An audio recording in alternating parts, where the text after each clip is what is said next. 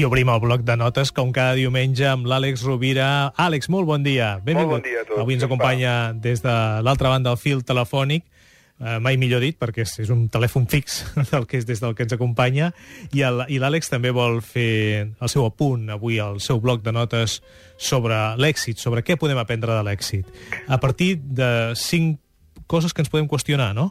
Correcte. La idea és um, parlar de l'èxit o entendre l'èxit, perquè efectivament, com s'ha dit, es pot entendre de moltes maneres, però a mi m'agradaria entendre'l des del punt de vista de, de la realització personal per la transformació eh, col·lectiva, és a dir, quan les coses funcionen perquè hem, hem treballat molt, hem après molt i hem aplicat una transformació que ha deixat un llegat útil eh, a, a l'entorn i, evidentment, també a nosaltres mateixos.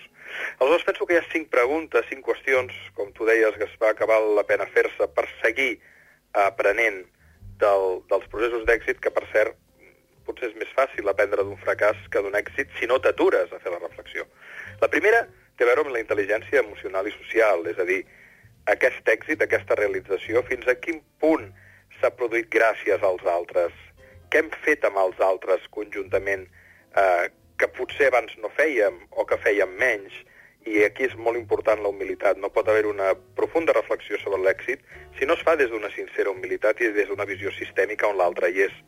La segona té a veure amb el coneixement, amb la intel·ligència lògico-racional, i seria quin és el meu coneixement diferencial en termes d'empresa, diríem, quin és el meu avantatge competitiu de coneixement, què és allò que jo sé, Horaci deia que el secret d'un gran negoci és eh, saber quelcom que ningú més sap. Per tant, què és allò que jo sé i que val la pena que segueixi aprofundint en el seu estudi per eh, seguir realitzant i transformant.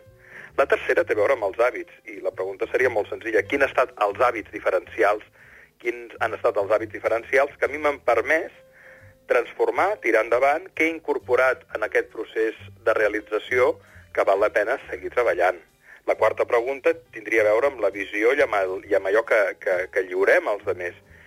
Quina és la visió que ens ha mobilitzat? quina és la visió que ha generat aquesta, aquesta transformació, aquesta realització, aquest compliment, aquest èxit, i de quina manera l'hem sabut compartir per eh, generar les sinergies eh, en acció que ens han permès arribar on som. I la cinquena i última pregunta té a veure amb la intel·ligència ètica. Hem fet tot això tenint en compte el bé comú, hem fet tot això sense, sense fer mal a ningú, respectant l'entorn, eh, què podem millorar en aquesta vessant? Jo crec que aquestes són les cinc preguntes fonamentals intel·ligència emocional, actitud, intel·ligència racional, coneixement diferencial, intel·ligència pràctica, hàbits diferencials, intel·ligència espiritual, visió i sentit, i intel·ligència ètica, perquè tothom en surti guanyant. Les ha escrit avui Àlex Rovira en el seu bloc de notes i ha tingut l'amabilitat de compartir-les amb els amics de l'Ofici de Viure. Moltes gràcies. Una abraçada ben Una forta. Una abraçada, Àlex. Fins diumenge. Gràcies, Gaspar. Fins diumenge.